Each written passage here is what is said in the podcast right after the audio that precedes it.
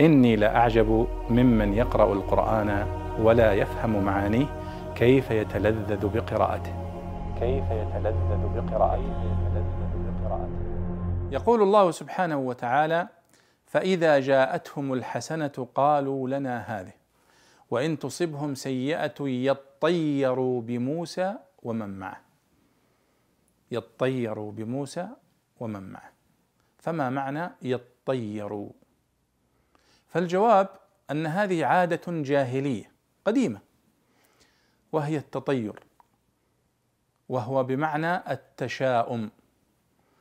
فالله يقول فإذا جاءتهم الحسنة قالوا لنا هذه.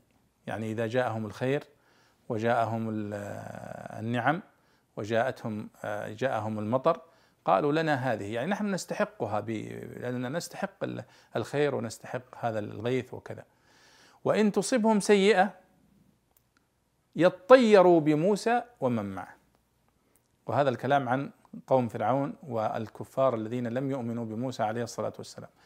فمعنى يطيروا يتشاءموا بموسى ومن معه. ويقولون ما جاءنا هذا الشر إلا بسبب موسى ومن معه من المؤمنين. فالتطير إذا هنا هو التشاؤم. وهي عادة جاهلية وسمي التطير تطيرا لأنه كانوا يأخذونه من الطير فيخرجون.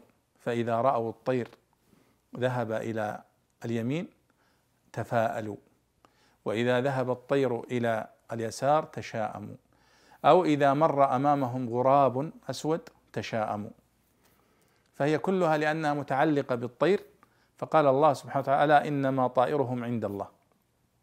فاذا التطير هو التشاؤم وهو عادة جاهلية. ولا يجوز التطير ابدا وإنما الإنسان مأمور بالتوكل على الله سبحانه وتعالى. ولا يضره طير ولا يضره حيوان ولا يضره شيء إذا توكل على الله سبحانه وتعالى.